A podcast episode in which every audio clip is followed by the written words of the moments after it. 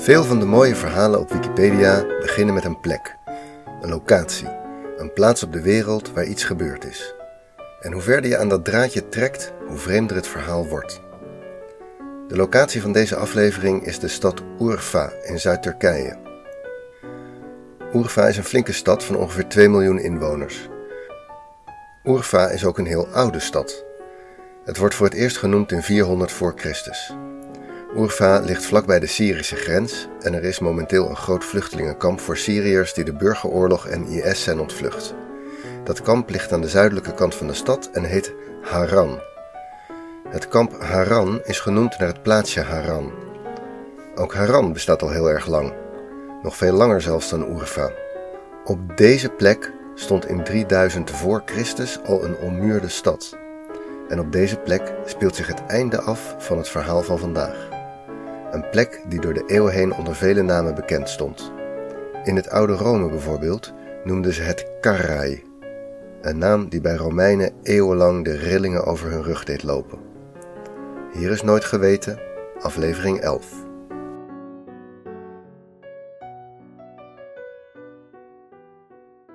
We schrijven 53 voor Christus en we zijn vlakbij Haran, een belangrijke stad in deze regio.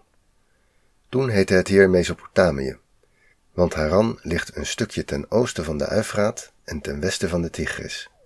En Mesopotamië was in die tijd onderdeel van het rijk van de Parten. Het Partische Rijk besloeg ongeveer het hele gebied van hedendaags Iran, Irak, Syrië en een flink stuk Turkije. Toch treffen we hier op de zinderend hete vlakte een enorm Romeins leger aan. Het bestaat uit zeven Romeinse legioenen, nog aangevuld met hulptroepen uit omliggende gebieden.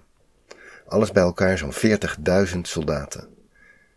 Ze worden geleid door Marcus Licinius Crassus, de hoofdpersoon van deze aflevering. Waarom waren ze daar, in vijandelijk gebied? De Romeinen en de Parten hadden een duidelijk verdrag dat Mesopotamië Partisch was. Toch was Crassus met dit enorme leger over de Uifraat getrokken waarschijnlijk because he could. Hij verwachtte weinig tegenstand en dacht met wat oorlog voeren en plunderen goed geld te kunnen verdienen. En een overwinning op een grote tegenstander zoals de Parten zou thuis in Rome heel goed staan op zijn cv. De Parten hadden, zodra ze merkten dat de Romeinen het verdrag schonden, natuurlijk snel een leger op de been gebracht en naar de westelijke grens gebracht. Maar de Romeinen waren met veel meer. Bovendien hadden de Romeinen de ervaring dat hun goed getrainde legioenen in het oosten vaak veel grotere legers makkelijk aankonden. Dus het verdrag breken en onverwacht met een enorm leger binnenvallen, dat kon haast niet fout gaan. Maar het ging wel fout. De Parten hadden een veel kleiner leger, maar tegen de Partische manier van vechten hadden de Romeinen niet eerder gestaan. Bovendien hadden de Parten een heel capabele generaal, Surena, de parten hadden twee soorten strijders. De grootste groep waren de boogschutters te paard. Fantastische ruiters die al schietend kwamen aanrijden, dan al schietend een bocht voor de vijand langs maakten en zelfs op de terugweg nog achteruit bleven schieten. Dat achterwaartse schot vanaf een paard heet nog steeds een partisch schot. Het klassieke Romeinse antwoord op een aanval door boogschutters was de testudo, de schildpadformatie, waarbij de legionairs hun schilden aan elkaar haakten tot een soort menselijke tank. Dan kwam het tweede soort Partische soldaat tot zijn recht, de cataphracten. Dat zijn zeer zwaar bepanserde ruiters. Zowel het paard als de man zijn van top tot teen bedekt met metalen panzerplaatjes. De schildpadformatie is goed beveiligd tegen pijlen, maar niet erg wendbaar en door al die aan elkaar gehaakte schilden ook niet goed in staat tot een man-tegen-man gevecht. De legionairs in schildpadformatie leden zware verliezen tegen de cataphracten. Maar zodra ze zich losmaakten uit hun formatie om behoorlijk terug te kunnen vechten, wisselden de parten weer van stijl en werden ze weer besproeid met pijlen door de boogschutters te paard. Crassus besloot te proberen stand te houden totdat de boogschutters door hun pijlen heen raakten. Wat hij niet wist, was dat Surena van tevoren aanvoerlijnen had opgezet. Karavanen van duizenden kamelen bleven continu nieuwe pijlen aanvoeren. Tegen de tijd dat de Romeinen dit doorkregen, hadden ze weinig opties meer over dan een soort wanhoopsoffensief. Daarbij werden ze door de parten in de val gelokt en bijna alle Romeinen in die charge kwamen om. Maar het werd nog erger. De dag erna werden de Romeinen uitgenodigd om te komen onderhandelen over hun overgave. Crassus wilde gaan, maar een paar van zijn adjudanten waren bang dat het een valstrik was. Een paard kreeg de sporen, iemand trok juist aan de teugels, er kwam een opstootje en er werd een zwaard getrokken. Het liep ermee af dat het grootste deel van de Romeinse onderhandelaars dood op de grond lag, inclusief Marcus Licinius Crassus. Van de 40.000 Romeinse soldaten vonden 20.000 de dood. 10.000 werden krijgsgevangen gemaakt. De parten hadden nauwelijks verliezen. Eeuwenlang bleef de slag bij Carrhae een nachtmerrie voor de Romeinen, vooral omdat de parten een groot deel van de adelaarsstandaarden van de legioenen hadden buitgemaakt. Daar konden de Romeinen erg mee zitten. Dan nu het onderwerp van vandaag. Om hun overwinning te vieren en hun tegenstander te vernederen, werd het dode lichaam van Crassus onthoofd en werd de mond van het hoofd door de parten volgegoten met gesmolten goud. Dit om zijn onmetelijke rijkdom te bespotten. Want Crassus was in die tijd niet zozeer bekend als veldheer, maar als allersmerig rijkste Romein aller tijden. Waarom zou je in godsnaam Bill Gates aan het hoofd van een militaire expeditie zetten? En hoe kwam Crassus überhaupt zo rijk?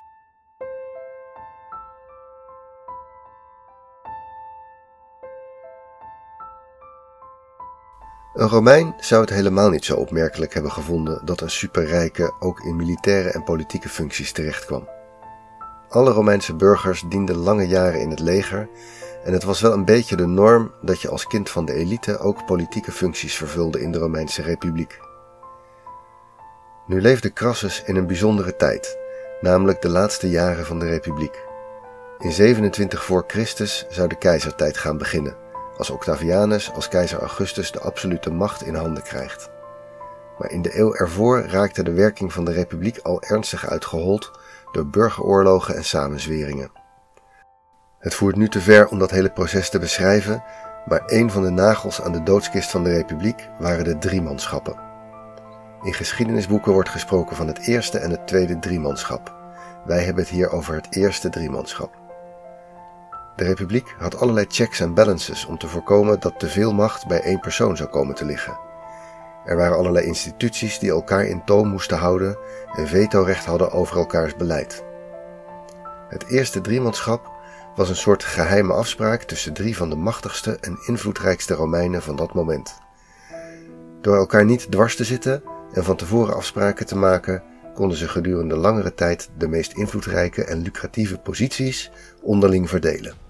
De drie waren Julius Caesar, jong, populair, had al wat militaire successen op zijn naam staan.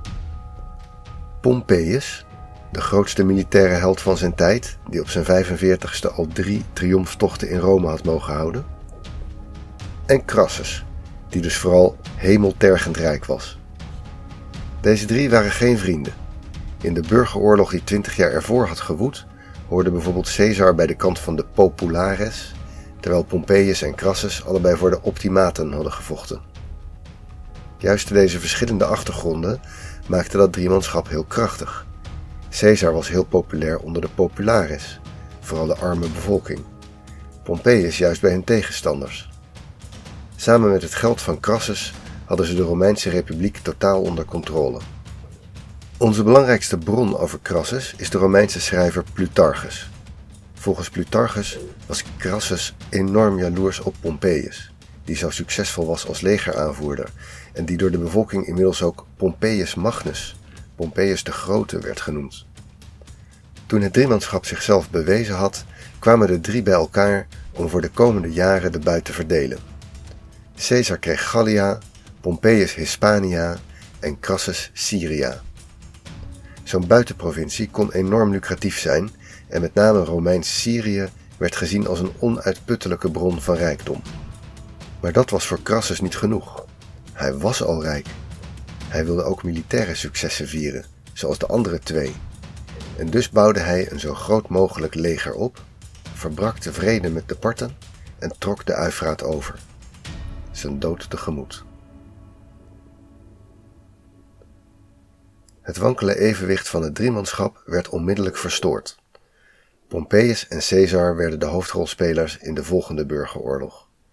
Aan het eind daarvan was Caesar de onbetwiste eindbaas van het Romeinse Rijk en kreeg hij de titel Dictator Perpetuo, oftewel dictator voor het leven.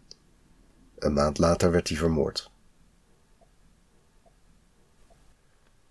Maar hoe kwam Crassus aan al dat geld? Het korte en grappige antwoord is als brandweercommandant. Jammer genoeg is de waarheid meestal niet kort en grappig, dus eerst een paar disclaimers.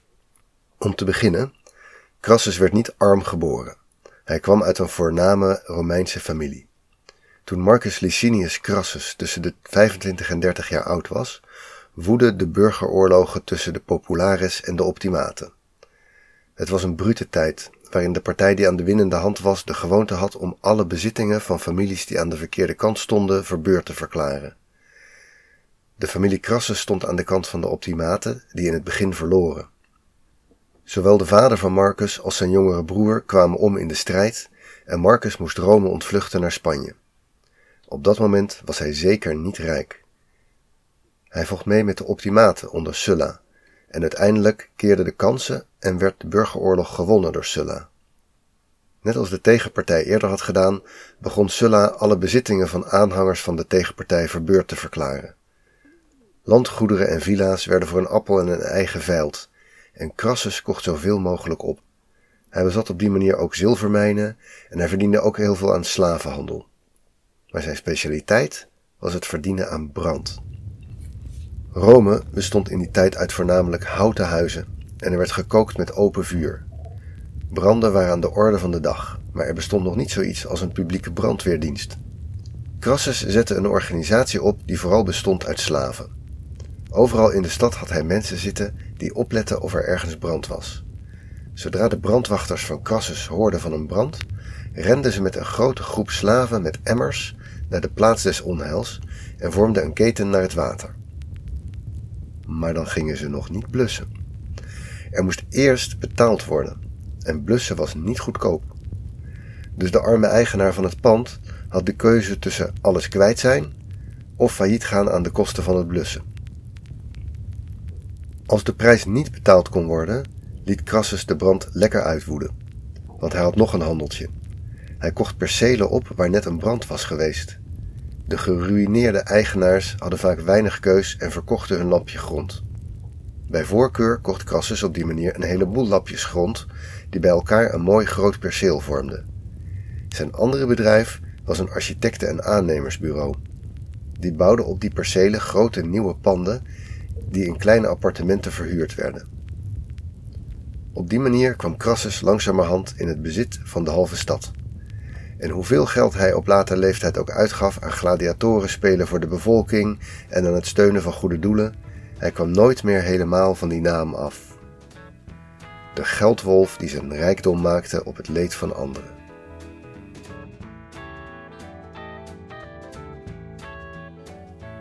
Dit was een aflevering van Nooit Geweten. Ik was helaas een beetje schor, maar ik denk dat het ermee door kan. Als je een leuk idee hebt voor een onderwerp of als je gewoon wilt laten weten wat je ervan vond, dan vind je mijn e-mailadres en Twitter-handle in de show notes. Je vindt er ook alle informatie over de gebruikte muziek en links naar achtergronden of Wikipedia. Research, productie en presentatie door mijzelf, Teun Duinsteen. En natuurlijk door al die duizenden die bijdragen aan Wikipedia. Als je nooit geweten leuk vindt, zijn er twee manieren om je dank te uiten. De eerste is door in je podcast-app deze podcast een goede beoordeling te geven. Zo vinden andere luisteraars hem ook.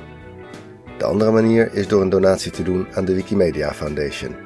Maar dat had je al lang gedaan, toch?